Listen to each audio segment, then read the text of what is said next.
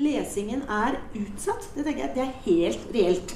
Også fordi at det å lese, hvis vi tenker på at det vi gjør er å skape mening av sorte bokstaver på hvit bakgrunn, det er rett og slett en kognitiv aktivitet som forutsetter at vi er oppmerksom til stede over en viss tid. Hvordan skulle vi ellers klare å oppleve liksom fantastiske bilder som vi kan få inn i hodet når vi leser f.eks. Guinness bøker? altså det, da, eh, da, da, må vi være til stede over litt tid. Og når vi da hele tiden blir avbrutt, så er det fare på ferde for boka.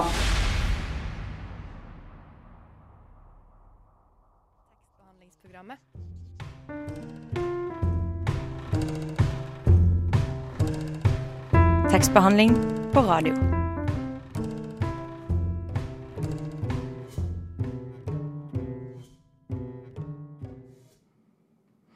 Her fikk du kanskje en litt uh, dommedagsfølelse, uh, for at det at lesing er utsatt, er helt reelt, ifølge Kari Spjeldnes, som du hørte et lite utdrag fra her i begynnelsen. Um, dette utdraget kommer fra Litteraturfestivalen, um, og det var en samtale med Morgenbladet. Og Kari Spjeldnes er tidligere redaktør og direktør i bokbransjen, og er nå forfatter og forsker på lesing.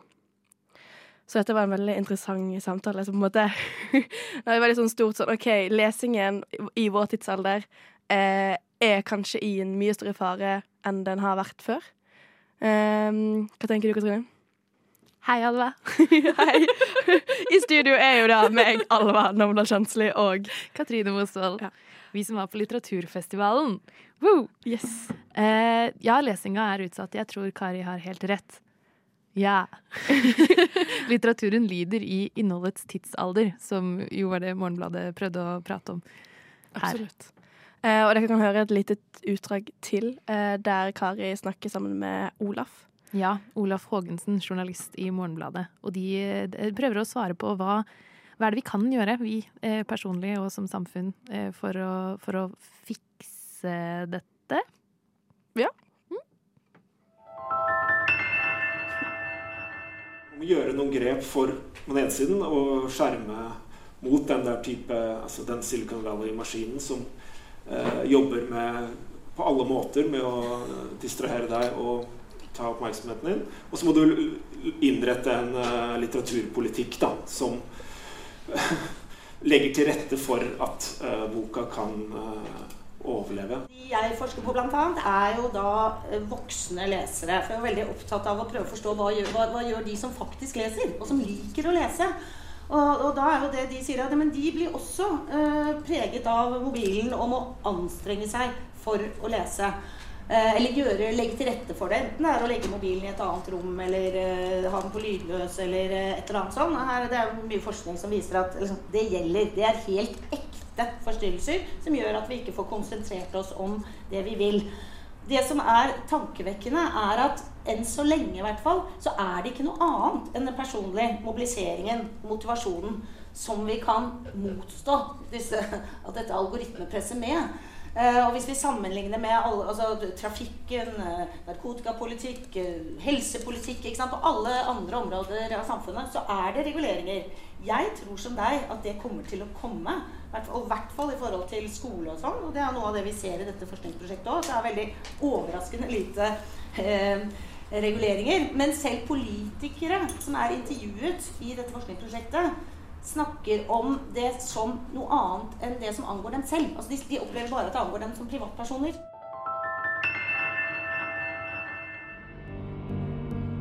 Mamma, pappa, jeg må fortelle dere noe. Jeg hører på tekstbehandlingsprogrammet. Jeg tror det både Kari og Olaf var inne på her nå på slutten, eh, om at eh, man trenger en litteraturpolitikk, eller en noe for å på en måte stoppe samfunnet fra å eh, forsvinne vekk. Slutte å lese? Ja, slutte å lese, faktisk. Um, og jeg tror det kommer til å skje. Det skjer jo veldig mye innenfor det området i utgangspunktet nå. Ja. Når det gjelder det med regulering av internett og alt det. Men hvorfor, eh, hvorfor skal vi egentlig bry oss? Kanskje boken bare forsvinner? Jeg vet ikke. Hvorfor leser du, Alva? Nei, si det. Eh, det er jo det store spørsmålet vi har stilt um, ikke hvorfor leser du, men kanskje hvorfor skriver du. Ja. Eh, vi har stilt ulike forfattere gjennom Litteraturfestivalen. Hvorfor har litteraturen en verdi i vår tidsalder nå?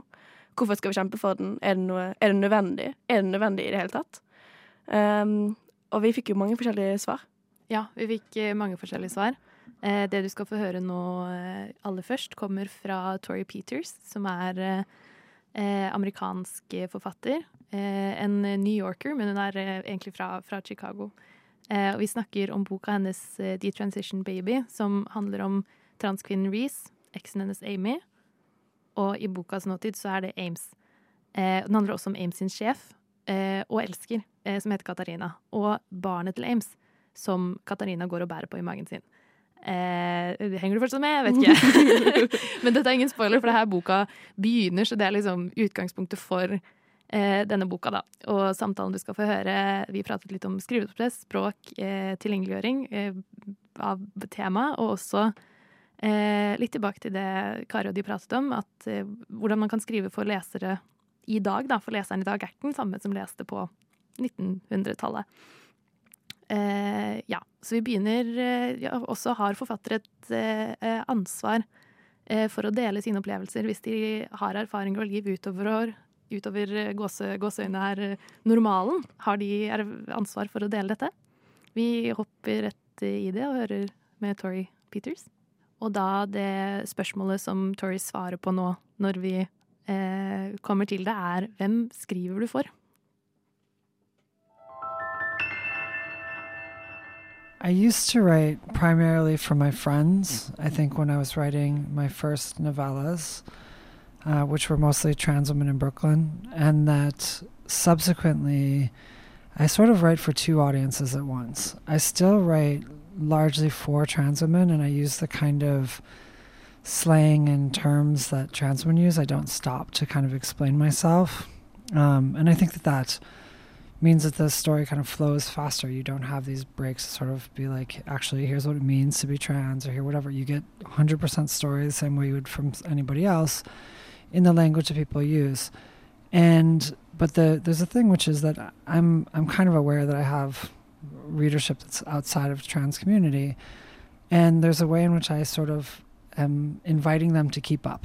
You know, I'm like, if you want if you want the story the way that we actually live it, come along and like do the work to keep up. This is a long answer to a question, but I think there's a there's another piece which is that you know, I'm not writing in a vacuum. I'm writing oftentimes reading about uh, you know books by all sorts of different women. And a lot of times I'm actually just talking back to them, like a little bit like, a, uh, you know, the most specific example is I read while I was writing Detransition Baby, I read Elena Ferrante's uh, series, and there's there are moments in it where you know I, I learned so much reading that series, but I sort of wanted to say speak back a little bit, and so I think there's a way in which my my book is also consciously and subconsciously always in conversation with those books that I'm reading while I write it. Um, you mentioned language now that you use. You're not trying to make your language necessarily available, but at the same time, the plot of your book. You said yesterday you you used the word soap opera like, which is very available. Like, do you think your language is reflecting the plot of the book? Yeah. Um, I mean, I'm I'm really into popular forms. You know, like I I like a good story, and I I think soap operas get looked down on, like it's like a bad word. But actually, what soap operas do is they they throw all of life in, in into a story. There's humor, there's you know intrigue, there's sadness, there's betrayal, there's all those things. And I think, you know, that's actually what my life feels like. Sometimes my life feels like a soap opera. So in a certain way, you know, the idea is like, oh, soap operas are fake. But actually, when I search around for like the form that's like, what actually is the form that reflects how I live and my friends live, usually it's like a soap opera. It's like dramatic. it's like you kind of can't believe that people are making these terrible choices. And uh, and so there's a way in which it's like soap opera is actually the most realistic form I could choose to to um, to portray the lives of myself and my friends or, or portray it in fiction. So for me, there's a there's a kind of high low mashup there that I like. And in terms of like the actual language I use, I think there's like, for me, that that's also a little bit a little bit low in that in that like I'm not expecting readers these days to like go sit on a mountain and like contemplate my work in like you know uh, monkish silence. I, I think I'm aware that like most readers these days they're reading my book, but next to them is a computer or a cell phone or whatever. And, and since probably there is a cell phone next to them, why should I include definitions that they already have? Like, why should I include definitions in the left hand that they probably have in their right hand? If you really cared, you go look. And that, for me, it's just like an awareness. Like that's how people read these days. And while I wish that people would take my book maybe and read it, you know, as though it was a an amazing text or something, that's that's that's not that's not actually how books are are, are consumed these days. So I try to basically I try to write to where the reader's at part of what I'm uh, I'm thinking about in this being a trans text is that it's not the only trans text, right? It's not the only book that that you can learn about trans life from. And inside of the book, I like to think of it as like having lots of fingers pointing outside of the text. You know, like people will say, "Well, why aren't there more trans men in this book?" Well, there aren't more trans men in this book because you can read any number of books by trans men. So instead of you know sort of expecting the book to have everything in it, I sort of like to think of it as this is a book on a shelf, and if you like what's in it, look at everything else on the shelf as well. Uh, what are your thoughts on the role of literature and trans literature in today's political climate? I'm I'm a novelist. You know, I'm not I'm not an activist. I'm not. Uh, I don't do think pieces. I don't really write um, op eds and things like that. And it's because I think that there's a role for art in politics, and usually it's not a straightforward argument that you're not trying to con- convince people through like the intellect, like here's why you should accept trans people or something like that. Oftentimes, it's that what you're trying to do is you're trying to create an emotional connection, you're trying to create uh, a, a, sense of of feeling, and you know when I think back, for instance, on um, in the United States at least. Uh, 2004 when there was you know all this legislation against gay marriage, kind of against a backlash against gay rights. Uh, a lot of people, when when finally things started to change, they cited knowing a gay person. It wasn't that they read like, oh, here's why gay people were okay. They they just they knew somebody and they were like, I don't really want to oppress that person. And I think that what art does is art helps you know people. Like it helps you even if you don't know them in person, you know th- you know them as as emotional beings. And so even something like, you know, Will and Grace, the sitcom, it makes a big difference because what it means is it's like, oh, those are my friends. I sit with them every Thursday night and I actually don't want to take away their rights. You know, that is the kind of connection I think that art can make. It's not a it's not a question of logic, it's a question of of of feeling of beauty of of recognition that that isn't entirely in the head going further on that, do you think that uh, queer people and perhaps specifically trans people have a responsibility in sharing your experiences with the world? And why or why not? No, I, I don't think that anybody has a responsibility. I think that um, I don't think th- I don't believe that there should be an, an undue burden on any type of person simply because they fall into a category that said, that's that's my ideal. Yeah. That said, the reality is that of course one is asked to to to shoulder a kind of burden, and uh, and so sometimes, for instance, for me, I'm asked to do to talk about uh, trans issues that I'm not an expert on. I'm not. Uh, really, somebody else should be speaking besides me, or I'm asked to sort of talk about my personal transition in ways that uh, actually I find them just uninteresting largely. It's not that I'm like don't want to share. It's just that it seems boring to me. Uh, and and that's like part of it is that like I actually think trans people have a right to be boring, uh, and and that most of us, uh, a lot of the aspects of our lives aren't interesting. They aren't you know ready for TV. They're regular. They're regular, extremely regular and so and so the reason I would say that nobody has a responsibility is that is that is that that kind of responsibility isn't placed in in in a sort of quotidian way upon everybody else. But the world being what it is, sometimes you, you say, yeah, I don't have a responsibility to do it, but it seems like no one else is going to step up at this moment, so sure, I'll do it. At the um, event that was yesterday, it felt like there wasn't really a premise for the talk besides that here are three like minority for us at least in Lillehammer in Norway and we've gathered them here today and we're just going to talk and the conversation in itself was interesting but it was also like I don't know do is that something you meet a lot in your work and how do you feel about it? I mean I think it depends on the place, but of course, yeah, there, there's there's sort of two things that I feel about it. One uh, is that, of course, I'm like, you know, I'm a white person from New York, and yeah, the American government is persecuting trans people in some ways, but that's it's a different order than the kind of persecution that you see in, in, in South Africa or Angola or, or, or things like that. And so in some ways, I'm sort of like like embarrassed. I'm like, oh, you, this is a misunderstanding. Like I should, I, I shouldn't be taking up space on these issues that that that really other voices should be speaking here. But at the same time, I also think it's like that solidarity comes out of finding common ground. You know that that uh, one of the reasons why the talk I think went well is that while the actual experiences are different, we're noticing common things. And I, I, get something very similar oftentimes where like where I'll be talking to like uh, straight moms in like Indiana or something, and I'll be talking about how gender feels oppressive, and they'll say, "Well, uh, for me too, as a straight mom, like the ways the the expectations that are put on me."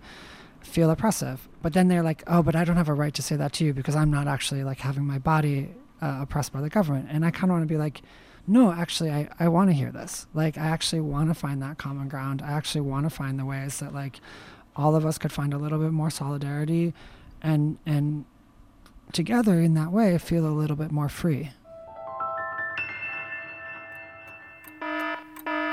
På tide å skru på tekstbehandlingsprogrammet! Yndlingssykkelen de siste seks-sju månedene er en enhjulssykkel. Vi har Marie Eibert på besøk. Jeg og Eline. Marie og Bær. Marie og Bær. Jeg tenker alltid at en T slutter med ø, h, h, h, h, utropstegn, utropstegn. Det er bare tekstbehandlingsprogrammet. Ja. Nei, det var ikke så mye å si. Helt til slutt der så hørte du Terry Peters eh, snakke litt om at eh, litteratur kan hjelpe deg å sette deg inn i andre sitt liv. Eh, og en annen forfatter som også snakker om det å kunne sette seg inn i andre sitt liv, eller andre å skrive for en spesiell type publikum, var Ayan Nin, eh, som var en angolsk eh, poet og aktivist og performancekunstner. Um, og vi har et lite kort intervju med henne, og der er snakker om at hun skriver veldig for en, en svart publikum. Det er den de hun skriver for. Og det blir litt sånn dobbeltmoral, fordi folk kan da kjenne seg igjen i det hun skriver. Men vi andre som ikke kan kjenne seg igjen, får også et innblikk i den verden og de erfaringene de har. Og det er kanskje det litteraturen skal. Skape en, en bro mellom forskjellige virkeligheter. Hmm. Kanskje det. Kanskje det. Um, du skal få høre et eh, lite klipp. Uh, aller først så får du høre Ayanin um, fortelle eller ha et foredrag Nei. Ja, det, er fra, det er fra Klubbpoesi. Klubbpoesien, ja. Mm. Um, der han Eh, leser på dikt. Ja. ja. Men det, hun, leser, hun, leser, ganske fort. Eh, og ganske kort, og det er litt sånn brått på. Men hvis du som hører på nå, bare liksom er forberedt på at nå skal jeg høre poesi så... Eller spole tilbake igjen en gang til. Ja, gjør det. så, så, får du det med deg nå. Men her kommer iallfall intervjuet og det, og klippet.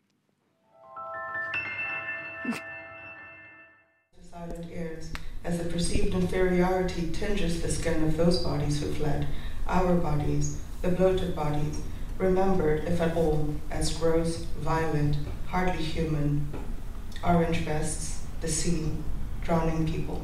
Thank you. Who do you write for? For black people, I, as a as a black person myself, I write for people who are in the same demographic for me because I feel like it's a very neglected field. and so much of art and content is created to uh, sort of suit the the um, a white audience, and I don't want to create that. You're at a festival in, in Norway, in Lillehammer. Uh, the audience is white. Uh, how do you feel talking about your work to this white audience when you're writing for black people in your own words? I don't think it changes who how I feel about the work because I know who the audience is. Um, and being here we're artists. We get paid to be here and uh, to to talk about the the work that we create. And it's possible to also be in an audience that is or be or give an interview uh, in an audience that's predominantly white without compromising the integrity of my work and of myself on stage earlier, Iranian poet uh, Ekhtesari was talking about how uh, it was important to her to separate her identity as a writer from all the labels that's added to this identity as a writer. You, as a writer, you're also given uh, labels. Uh, how do you feel about it? Um, I think whether or not uh, someone is a writer, you get labels. I think what's important is what you answer to, not so much what people call you and uh, of course that comes with a degree of self-awareness and a sort of um, being settled in yourself. Um, so if people call me or refer to me as all of these different labels, I, I mean, I still go to sleep at night, so I, I, I don't think I'm too consumed by those things. I think that I would have a stronger reaction to these things if somehow it impacted the quality of my work, but also my ability to create. But so far, it hasn't done anything, so it doesn't exist to me. Uh, I know what I am, and I think that that's what matters in the end. That I know what I am and what I'm not. Um, when you write, do you look to inwards to yourself, or do you look out towards the world? I don't know how to phrase that question, but uh, with this with this poetry collection, it was a very outward look. Um, it was you know sort of musings of what was happening to me and around me, and my reflection on those things. And currently, I'm busy writing my second novel or poetry collection, and that this second book is a lot more introspective or um, where I'm looking inside myself. So, as it is right now, it's very surrealist. It's not linear. It's um, very mixed genres, uh, almost experimental, and um, and I think I want to work on this in a way that I'm doing it because I would like for these two things to be very strongly contrasted with each other of what's outside and what's what things are like on the inside for me. Hallo, mitt navn er Knut Nærum, og du hører på tekstbehandlingsprogrammet. Jeg går i hvert fall ut fra at du gjør det. Du gjør det, og det vet du. Og nå, Alva, og eh, dere og du som lytter til, eh, skal vi videre til de neste vi pratet med. Eh, vi pratet jo litt med Ayunin om, om, hva slags merkelapper man kan få som, som forfatter. Eh, og i hennes tilfelle var det vel mer snakk om queer writer, black writer og slikt. Eh, den neste samtalen eh, vi skal høre, er eh, med to forfattere som typisk får merkelapper som krimforfatter eller spenningsforfatter. Eh, det er indiske Dipti Kapoor og svenske Kristoffer Karlsson. Eh, og vi hadde en samtale med dem. Ja, jeg, synes, jeg vil bare også kommentere, for jeg synes stemningen De hadde jo en samtale på scenen før vi hadde samtale med dem. Og stemningen mellom de to var veldig gøy. Eh, jeg følte de var sånn to barndomsvenner som hadde lenge siden de møttes, og hadde mye, tullet mye med hverandre. Så ja, det Bare for å gi et lite sånn bakteppe. Ja. Kanskje dere også hører det litt uh, uh, i samtalen vi hadde med dem. men de har begge da skriver, har skrevet spenningsromaner, og Dipti Kapoor, hennes nyeste roman som vi ja, prates om, den heter I syndens tid. Det er en slags thriller, men også en tydelig samfunnskommentar på bl.a. korrupsjon og vold, som er satt i tidlig 2000-talls Delhi i India, og med utgangspunkt i en ekte hendelse. Eh, mens Kristoffer Karlssons nyeste roman, som vi prater om, den heter 'Brenn meg en sol' og har handling fra Sverige rett etter drapet på Olof Palme. Um, og handler ikke om nødvendigvis drapet på Olof Palme, det er masse andre drap som skjer, sånn jeg forsto det. Men uh, ja, begge skriver altså dramatiske og meddrivende spenningsromaner, uh, som på mange måter kanskje kan kalles slukelitteratur. Men de har et solid feste i virkelighetens ekte grusomheter, og har absolutt noe å si. Eh, så vi samtalet med dem om hvorfor de skriver, og om eh, ja, hva skjønnlitteraturen sin rolle er i, i, verden og politikk. Og også igjen, eh, som tidligere, om ansvar. Forfatteres ansvar. Ja. ja. Så det skal dere få høre. Uh, so the first question we have is uh, who, uh, when you write, who do you write for? Myself first, um, because I think it's really important if you start thinking about who, uh, um, you know, the your reader is, your audience is. Um, some it's crippling. So yeah, what she said. going further, you uh, Deep, you're from uh, from India, and uh, Christoph, you're from Sweden. You write also from these countries, and in the conversation that uh, you just had on stage, um, you were also talking a lot about uh, real events and real circumstances in these places. Uh, fiction meeting uh, reality. What uh, what are your thoughts uh, around this fiction and the truth, and what fiction can do in regards to telling reality or giving something true that I'm sorry it's a very clumsy formulation of the question but uh, that's that's the question.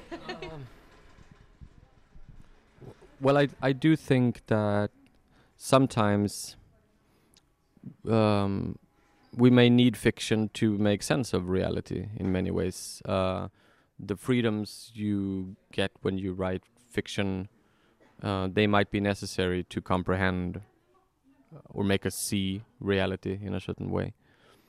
Um, it sounds like a postmodern answer, but I don't think it is actually. Uh, like you, you will never find the soul of the Second World War in the history books. You will find it in a Norman Mailer novel. So, so I do think that that is one way to approach that.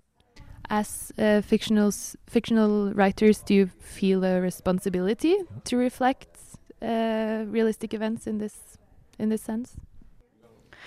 Well, yeah, I think um, I don't think fiction can provide any solutions, but what it can do is get, it provides you a framework for thinking about things. And um, sometimes I, I, I, feel I do have a moral responsibility as a, as a writer, um, and, and, that came to me later. Um, you know, as I I guess uh, developed more maturity as a writer. But um, again, um, you know, there's a fine line because you also don't want to be a messenger or be didactic in your writing. So, so I have a responsibility as a writer, but at the same time, I'm also right to entertain and you know so so so it's like you try and smuggle in ideas about what you want uh, through propulsive entertaining writing. That's what i like doing anyway. Uh, no I, I agree. Like i think i think uh, the the responsibility we have as writers is to um, just follow our characters all the way home, no matter wh- where that leads, and uh, tell an engaging story. Where you know, if we do our job really well, the readers will go, "Oh, wow, that really touched me," or "Wow, I was really entertained by that." But but the main job is following them all the way home. That walk may have like political implications or it may mirror something. Um, but for me just like i believe for Deepti it's important that that's not it doesn't start there. It doesn't begin there. Uh, the story begins in us uh, us wanting to tell something say something. Um, and that story may have political implications but it might not have a political intention. I think that's where i am sort of I was also just wondering because you two, you said you were a journalist uh, and you study criminology. I was just wondering how your work uh, outside of writing has infected your writing. Well, as um, a journalist, uh, you know, you you tend to ask um, lots of questions and maybe um, go into spaces um, that you wouldn't normally be invited into. Like it, it, it gave me the ability to just go into a room and and and and get, overcome my shyness and uh, you know start looking at things and start asking questions. Um, but I don't I don't think I was a great journalist in the end, though. But I carried those skills over um, as a novelist. Um, uh, being a criminologist, uh, of course, it when when you write about uh, people, society, and crime, of course, that gives you a certain, it gives you a toolbox, it gives you a perspective that you, of course, is useful for a writer. Um, in what way it's useful, it tend to vary from book to book, really. But uh, of course, it gives you a sense of like the phenomenology of crime. Um, but you know, you can know everything every criminologist knows about crime and be a useless writer. Writing is different, you know, and I do think that uh, criminology has much to learn from literature, pr- probably even more than literature can learn from criminology. so, so yeah, criminology is obsessed with with uh, explanation, trying to explain stuff. We use science to do that but there are emotional truths, there are uh, aspects of life that cannot be explained using scientific methods.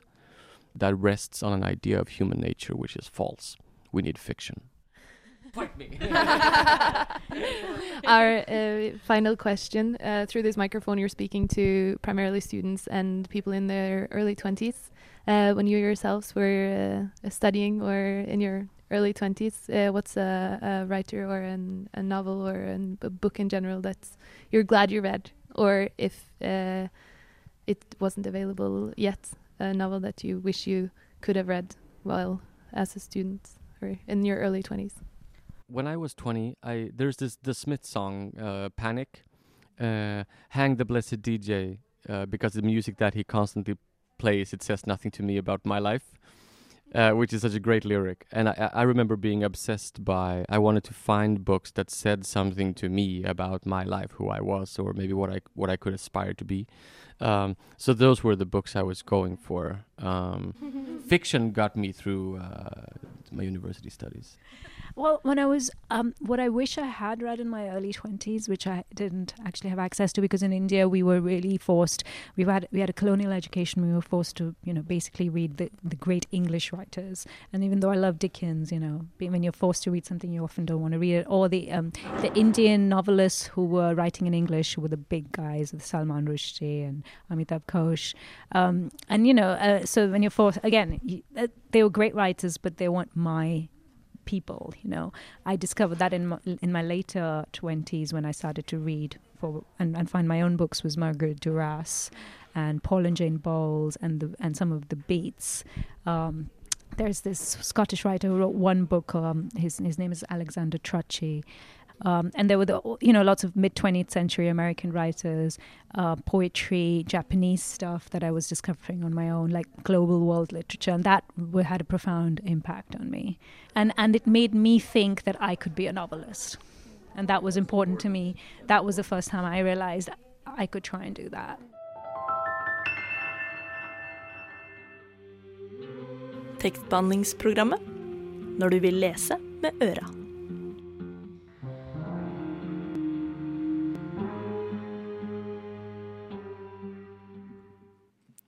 Ja, du hører fortsatt på tekstbehandlingsprogrammet, og du hørte nettopp et intervju med Kapoor og Karlsson.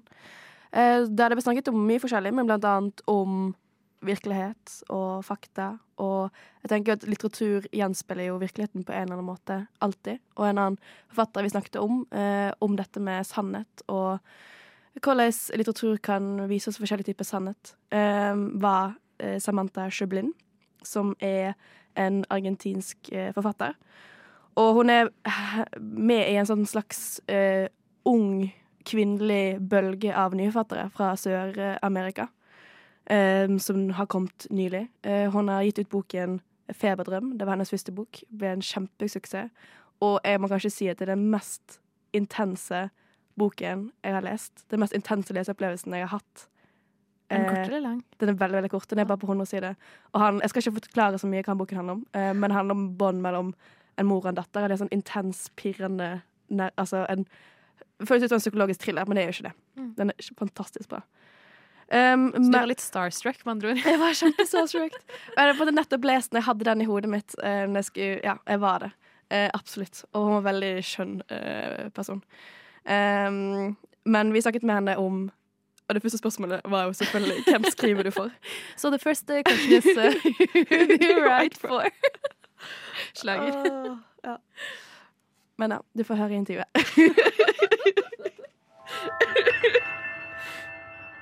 Okay, so my my first question is, who do you write for?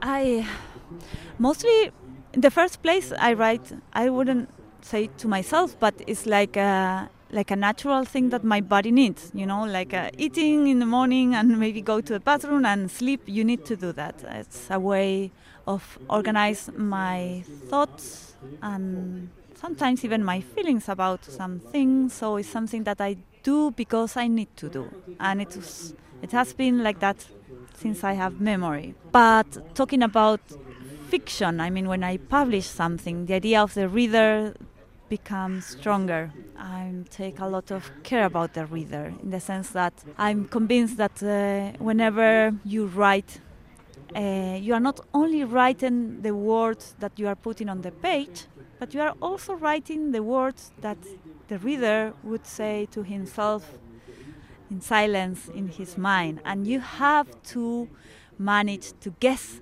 which words those are going to be and to have some uh, control on those words. I think it's part of the writing. So I also, because I listened to your talk yesterday as well, and you talked about um, the difficulty of writing stories from where places you haven't been. Uh, but I was also wondering, uh, isn't that the power of the literature to write stories for where you haven't been? Like, what's your relationship to truth when you write? Yeah, I want to be correct, of course. But uh, when we, uh, when I, when I said what I said, I was talking about very, you know, like small log- logistic things. Like, for example, I don't know, uh, my character in uh, Croatia was uh, having a lot of yogurt during the day, and nobody takes yogurt in Croatia. You know, like these very small logistic things. That kind of truth. It's not so interesting, you know. That's not. That's the truth that in in well, it anyway. It it's built the the plausibility of a story. That's an important thing because uh, if you want to break a world, you need to build it before. So it's important. But when we talk about truth, it's something else. I think the truth is, uh, something very abstract, and most of the time, the truth is not what we think it is. It could be something very tricky, and we are surrounded by truths that are not true. And I think one of the main um, jobs of literature is it's to disconstruct, you know, to disassemble these ideas of what is truth. I mean, the less sure you are about things, uh, you are probably more close to the truth, you know. And uh, you know, at, at the end, literature is the exercise of putting in the shoes of someone else and try to see the world from other uh, point of view. Uh, that's probably closer to the truth than your own ideas about what truth is.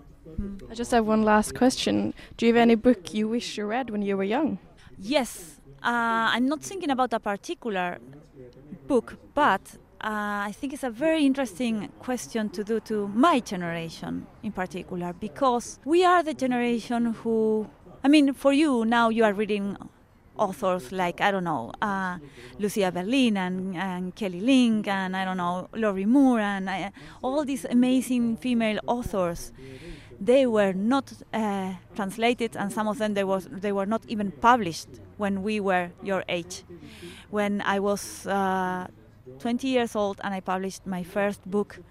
Uh, whenever I was asked about my list of my favorite authors, there were 20 male authors because uh, well, there were no female contemporary authors for me, you know. Um, and then I remember, for example, at my 35, reading Amy Hempel for the first time and thinking, oh my God, what I could have done if I would have if I would read this author when I was 20 instead of I don't know Cheever, Carver, all these amazing authors, but you know like very mainly authors, you know.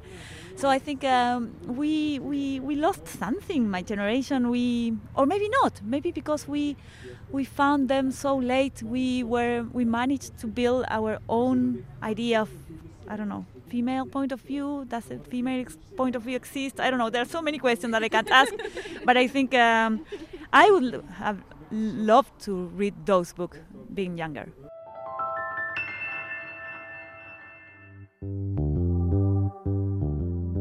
Siri? Jeg er din assistent. Ja. Hører du på tekstbehandlingsprogrammet? Selvsagt. Gjør som Siri. Hør på tekstbehandlingsprogrammet.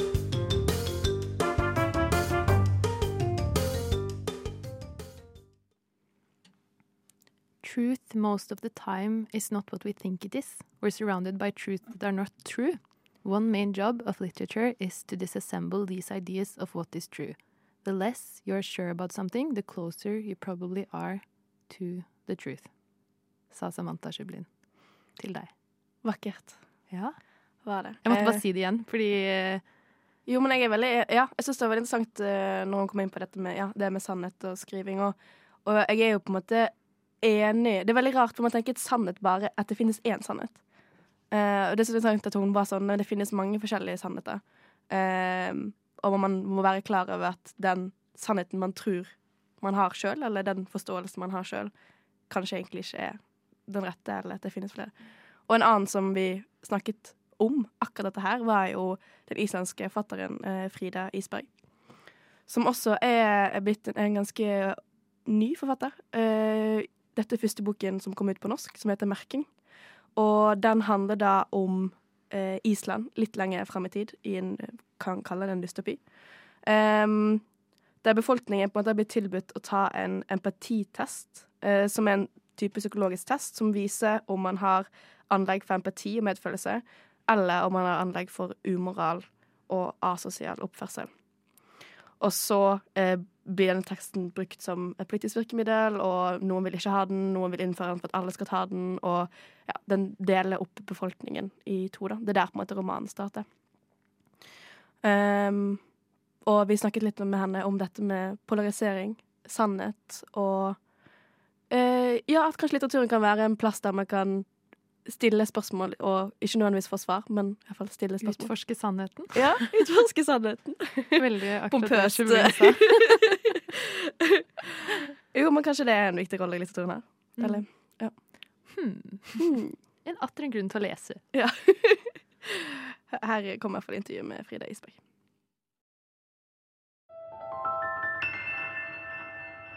First question is who do you write for? Do you write for anyone when you write? So it's actually, I would say that it's split in two. I would say that it's uh, on one hand uh, the craft and the joy of crafting, and I think that this is a very human thing: is that you you want to make something, create something, complete something, and it's so much wholeness in completing something, you know.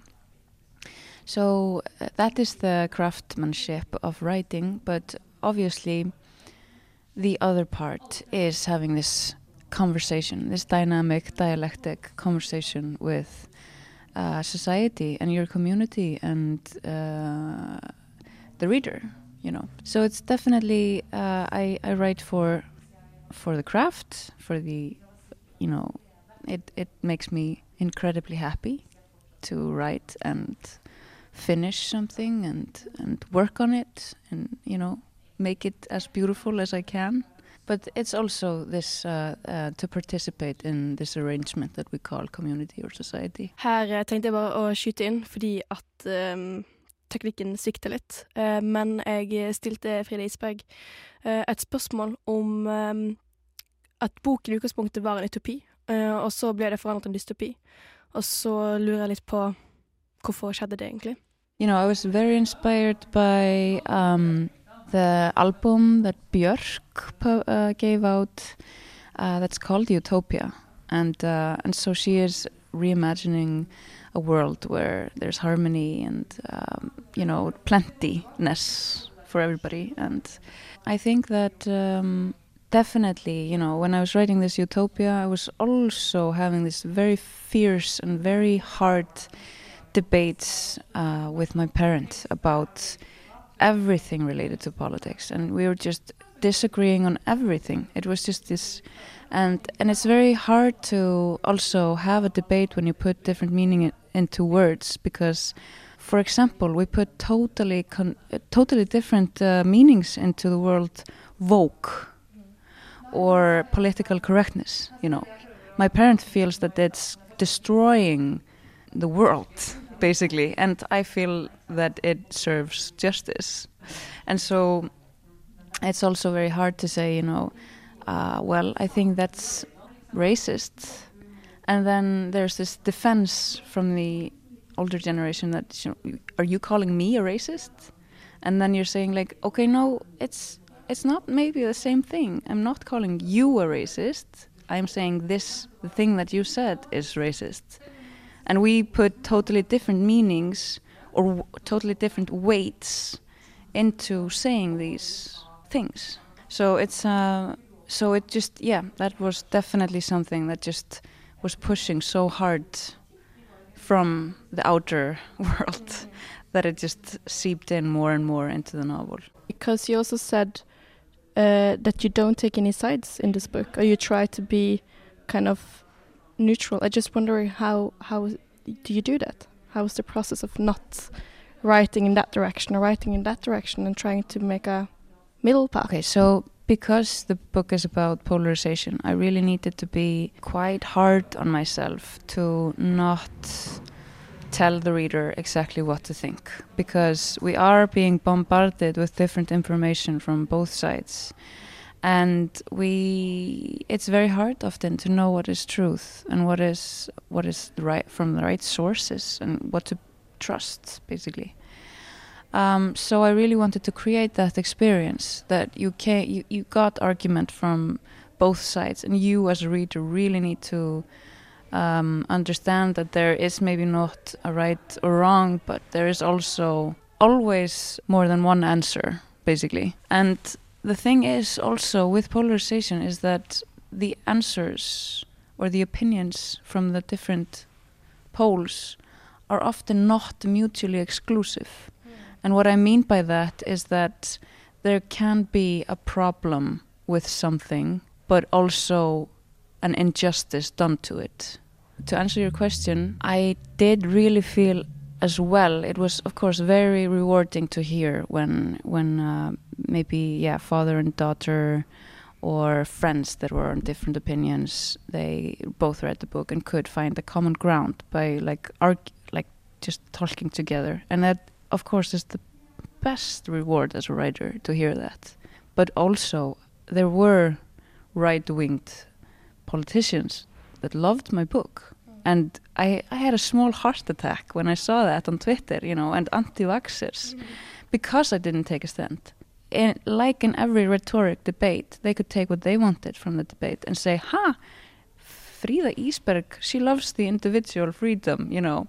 And I am saying, okay, you know, definitely this novel does discuss where the rights of the individual uh, begins and the rights of society no, I'm a socialist, you know. So it's you know it's uh, it's very hard to uh, it's very hard to read that and to and then you feel like, am I creating something dangerous here? Like, am I doing more harm than good by not taking a stand, basically? Because because it's only because I am only creating more questions. I'm not offering any answers. I'm just offering the space to communicate and have a conversation about it. That's what we need, isn't it? Like more questions and not answers, because answers make the like divide the world in two, which can't not be divided into. It's always more. Yeah, I, I mean, I hope so, definitely, and I think it's extremely hurtful for our societies that we are just preaching to our each each of our own echo chambers, and this is how uh, horrible, horrible new realities come to light you know, like uh, anti-abortion laws. Mm. This is how they crawl up from behind because we're just focusing on on our echo chamber, and not communicating with the other echo chamber. Du lytter til tekstbehandlingsprogrammet. Radio Novas smarteste program. Ja, her fikk du nettopp et intervju med Fríða Ísberg. Eh, og vi skal tilbake igjen til uh, Norge. Eller vi har alltid vært i Norge, men vi skal tilbake, vi skal tilbake igjen til Litt i Lillehammer, litt i Oslo, litt på Lillehammer. Unnskyld. Åh, språk er veldig viktig. Språk er makt. Uh, og vi er gode lesere som kan språk, tydeligvis. Nei, men vi skal tilbake igjen til en eh, norsk forfatter som vi snakket litt om allerede på del én av litteraturfestival-podkasten vår. Um, det var Kjersti Bjørkmo, som ikke snakker så mye om sannhet, men hun snakker veldig mye om eierskap uh, til språk, og at, at um, man i kommunen ofte bruker et eierløst språk. Uh, og ja, det med språk og makt. For, altså, det her kunne jeg jo sagt mye om, men det, det er jo en språklig ting som er litt sånn alvorlig når det gjelder hva de folkevalgte liker å kle seg i slags språk.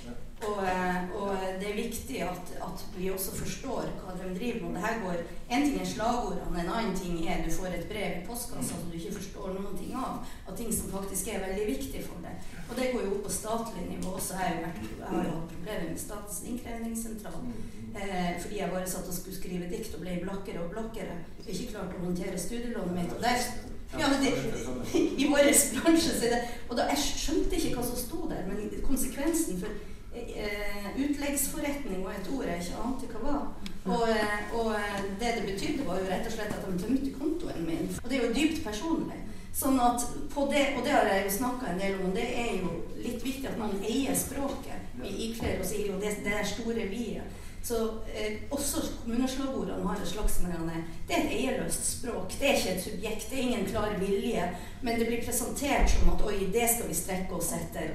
Dit skal vi. Og så utraderer det problemene på et vis. Eller det Hvis poesien kan, kan være med å gjøre oss litt mer sånn eh, sensitiv for, for, hvilket språk. For det, det, kommer så snikende. Plutselig så er det økonomiord som dukker opp der de aldri får, får ha vært. Vi har kjønnsmarked, f.eks. Og det kan jo være, av og til være dekkende, men hva er det egentlig man holder på med? Så, og det skjer så snikende. Nylig hadde vi en eh, statsminister, eh, hvis jeg ikke husker feil, som sa noe om det er mange barn som har en fattigdomsopplevelse i Norge i dag. ikke sant? Da har du det. Det går utover rettsfølelsen til slutt. På den måten så syns jeg poesien er uunnværlig og er, er griseviktig. Eh, på at, eh, og den er jo ikke smal, den er overalt. Hva var det som, eh, Du snakket litt om hvordan diktsamlingen begynte, men kan du fortelle det her igjen? Eh, ideen kom rett og slett av at eh, Kjøping kommune i Sverige har eh, eller hadde da, slagordet sitt på et skilt når du passerer kommunegrensa. Og det er liksom midt i intet. Du kjører gjennom skogen, og så står det et skilt der det står 'Hadde du bodd her, hadde du vært hemma nå'. Og der skjer det en eller annen poetisk bevegelse. Nettopp fordi at det blir satt i, i en uventa setting. Så tenkte jeg der er jo poesien, der er diktet. Når, når kjøtt og blod, når vi med vår sinnsstemning møter sånne eh, slagord.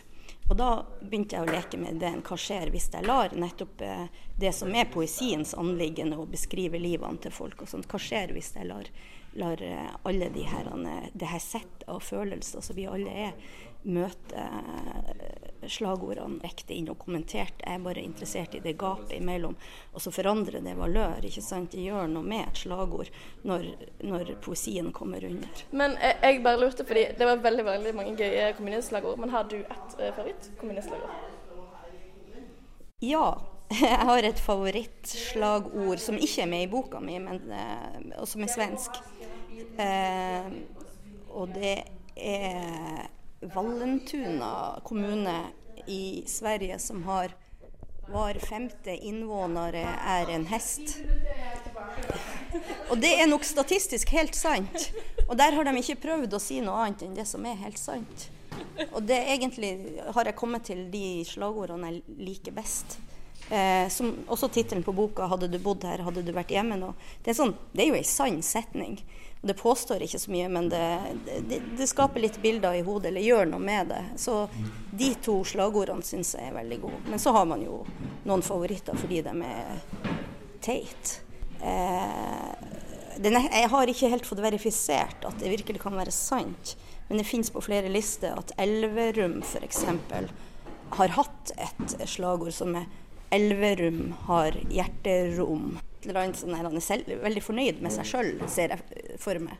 Så, eh, men du, man blir jo ikke ferdig. Eh, Altså, hvis du først begynner å dukke ned i det der, så, eh, så kan du jo ha et nytt slagord, favorittslagord hver uke. Hvem er det som tramper på min bru? Det er bare tekstbehandlingsprogrammet. Ja, nå har du hørt mange ulike intervju av ulike forfattere fra litteraturfestivalen. Og sånn oppsummert så eh, føler jeg at uh, litteraturen er viktig, for det første for å skape uh, en ny virkelighetsforståelse. Eller sette seg inn i andre virkeligheter som man ikke har muligheten til sjøl. Uh, andre for å belyse da maktstrukturer, eller et eierløst språk, som Bjørkmo var inne på til siste. Eh, har du noen andre Å skape empati for å liksom skape en plattform der man kan begynne å stille spørsmål? Ja, ja det er bra- bra formulert. Takk. Ja. ja, men det, det var på en måte kunne, kunne bre ut eh, forståelseshorisonten Mm. til, eh, til en selv. Eh, og for de som skriver, og, og prøve å liksom ja, hjelpe leseren med det samme. Samtidig som alle forfatterne følte jeg vi pratet med, var ganske tydelige på at de direkte hadde ikke noe ansvar. De følte ikke det. Eh, jeg syns det var interessant det de pratet om med at de hadde ehm, uh, right to entertain, eller det var Dipti Kapoor som sa det, da. Og det, det er veldig viktig, i hvert fall når man skriver fiksjon, at det, at det så klart skal det være underholdende. Spesielt liksom i vår tid, da, som, som Kari Spjeldnes også pratet om at em, ja, man, man må anstrenge seg for å lese, og for å kunne henge med. Ja, det, ja, det er nettopp det, fordi man tenker sånn at lesing skal eh, Det skal kunne skape en sånn Ja, en, en, en ny forståelse, og skal liksom gi en dybde til andre virkeligheter og alt sånt. Og så må man da konkurrere mot eh, TikTok eller Ja. Nå følte jeg meg veldig sånn gammel alltid drev TikTok. Men at man hele tiden må konkurrere mot ting som på en måte er veldig korte og konsise, mens litteraturen er veldig langsom, egentlig. Mm. Så det er jo kanskje en, en ganske vanskelig kamp å, å kjempe, men ja. Men viktig likevel. Absolutt. Og hvis du fortsatt lytter, er litt sånn ah, Hvorfor skal vi kjempe for lesingen? Så, så Hvorfor skal vi regulere Ja. bruk av, av alle disse datating? Hvorfor skal det finnes litteraturpolitikk? Hvorfor skal Ja. man dra til litteraturfestivalen og høre forfattere snakke om litteratur og skriving? Jo, så hør eh, nøye etter på absolutt det siste intervjuet vi hadde med Kari Spelnes, for jeg føler her kommer hun med noen gode grunner til hvorfor eh, lesing er viktig. Og spesielt det, det kommer vi til å høre der, men jeg synes det var interessant det med at lesing ikke er en sånn flink greie. Mm. At lesing bare er kan være veldig low-key og veldig enkelt, og trenger ikke være så mye ja. Dette er da det siste du kommer til å høre om litteraturfestivalen, eh, som jeg og Katrine har vært på. Vi anbefaler alle å dra. Det har vært en kjempeopplevelse. Eh, og vi har eh, mye, mye nytt stoff eh, å lese, og eh, energi til å lese, faktisk. Ja. Mm, ja, det var veldig motiverende. Og jeg føler jeg fikk utvidet eh, våre horisonter. Absolutt. Jeg håper dere også lytter av og utvider deres horisonter. Neste litteraturfestival er om et år. Kanskje vi drar da òg. Kanskje møtes der. Who knows. Eh, men i studio så er det meg, Alva Namdal Kjensli. Og meg, Katrine Mosvold. Og her får du eh, et siste intervju med Kari Spjelnes. Takk for nå. Ha det bra. Eller ikke ha det ennå. Når jeg er veldig opptatt av lesing og litteratur, så er det med mange innfallsvinkler til det, egentlig. Det ene er jo, som vi ikke snakket så mye om i, inne i rommet der i sted, jo, det ble snakket litt om, det er på en måte hva litteraturen gjør for oss. ikke sant? At det er tilgang til verdener vi aldri kunne tatt del i ellers. Og for meg er det veldig sterkt det der med at gjennom å lese litteratur, så trer du inn i andre menneskers tanker og hode. Og egentlig er eh, skjønnlitteratur en helt sånn privilegert tilgang til å forstå hvordan folk tenker og har det med seg selv. Og det mener jeg har en så stor verdi i forhold til hvordan vi kan skjønne hva det betyr å være menneske i verden. Det er også dette med å bare kunne få lov å hengi seg til fortellinger og flykte, eller eh, forsvinne, eller reise. Vi kan bruke masse sånne ord som har litt metaforiske, men å ta del i fantastiske hendelsesforløp. Og det kan eh, handle om fremmede steder, fremmede tider, eh, ting vi ikke kan noe om, mennesker vi aldri vil bli kjent med. Det er for meg en veldig stor ting ved det å lese skjønnlitteratur. Skal jeg nevne to til ting, så skal jeg snakke om det vi snakket om der inne i sted. Eh, og en av de er jo det at du, som jeg er helt sikker på at dere og du også har opplevd, siden jeg vet at du er glad i å lese, er den eh, sorgen vi kan kjenne på når vi er i ferd med å lese ut en bok. Og vi skjønner at nå er disse menneskene som jeg opplever at har blitt mine venner, jeg kommer ikke til å få følge dem videre i livene deres, eller de får ikke bli ikke en del av mitt liv. Men de er jo en del av mitt liv, for det jeg allerede har fått ta til meg. Og det syns jeg er veldig sterkt. Hvordan vi på en måte kan ha en dialog med de fiktive skikkelsene som fins i litteraturen, og at de er med på å berike vårt eget liv. Det som er litt mer instrumentelt, men som også er viktig for meg, det er jo faktisk veldig mye hva det å lese litteratur også betyr for oss i helt andre sammenhenger. Og det er et langt foredrag, egentlig, men jeg må bare særlig nevne dette med forholdet til språket. Fordi at når vi eh, leser tekster, og de behøver ikke engang å være gode, egentlig, men uh, ofte så er det jo bedre å lese dem når de er gode, så er vi med på å stimulere ordforrådet vårt. Og vi får på en måte automatisk også et sterk, uh, sterkere ordforråd. Og det er egentlig er det å lese en måte å konstant holde hjernen i trening på. Og ikke bare i en form for trening som gjør at vi leser bedre. Det gjør vi også. Altså, lesing er som veldig mange andre fysiske ting, faktisk. Det er sånn at mengdetrening hjelper. Men det er også sånn at det å skape mening ut av bare å lese små, sorte bokstaver på hvit grunn, som vi jo gjør som regel når vi leser romaner. Og hvordan skjer det? Jo, det er fordi at det skjer helt sentrale prosesser i hjernen vår hvor vi aktiverer nervecellene sånn at det vi leser, en tekst som vi ikke kjenner fra før, inngår i et slags kompaniskap med noe vi allerede vet. Dette er et veldig kjapt sånn minisammendrag. Eh, hvordan tror du vi kan eh, få litteraturen til å treffe bredt? At den ikke blir en nisje som var på en måte dystopien som ble snakket på det foredraget? Har du noen små ting som du, man kan gjøre?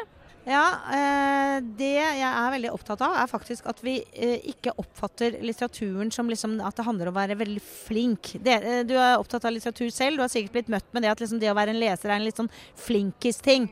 Og at uh, mange oppfatter at nei, det er ikke noe for meg, fordi jeg er ikke en sånn som leser. Så noe av mitt prosjekt egentlig, og hele min interesse for lesing uh, handler veldig mye om det at jeg syns det var så jeg ble litt sånn irritert at jeg merket at eh, jeg kunne bli møtt med det at eh, noen syntes, liksom, de så meg, og så fikk de, for de visste at jeg jobbet med bøker. Og så ble de sånn Å nei, nei, jeg har ikke lest noe i det siste! og så tenker jeg nei, men det er jo helt feil. Altså, det, er, det er jo ikke sånn det skal være. Altså, å, klare å bygge ned det at lesing er liksom for de som er veldig flinke, og at store eh, leseropplevelser kan du få av veldig mange forskjellige typer bøker. Sånn at jeg er litt opptatt av å snakke frem de små historiene i bøkene, og at ikke alltid må være at man må huske så veldig mye. Jeg tror mitt beste argument for lesing er akkurat det at faktisk så er enhver lesing individuell. Når du og jeg har lest samme bok, så sitter det igjen med to ulike historier. Og det betyr at din historie er like mye verdt som min. Det er ikke sånn at den ene er noe flinkere eller bedre enn den andre. For det å ta til seg handlingen i en bok, det vil alltid skje eh, i en slags dialog med ting du allerede har erfart i livet ditt. Lest eller gjort eller snakket med folk om. Og da blir den romanen du leser, til inni ditt hode idet du leser den. Derfor er hver eneste lesing unik. Derfor er det å lese en bok egentlig det mest verdifulle du kan gjøre for deg selv.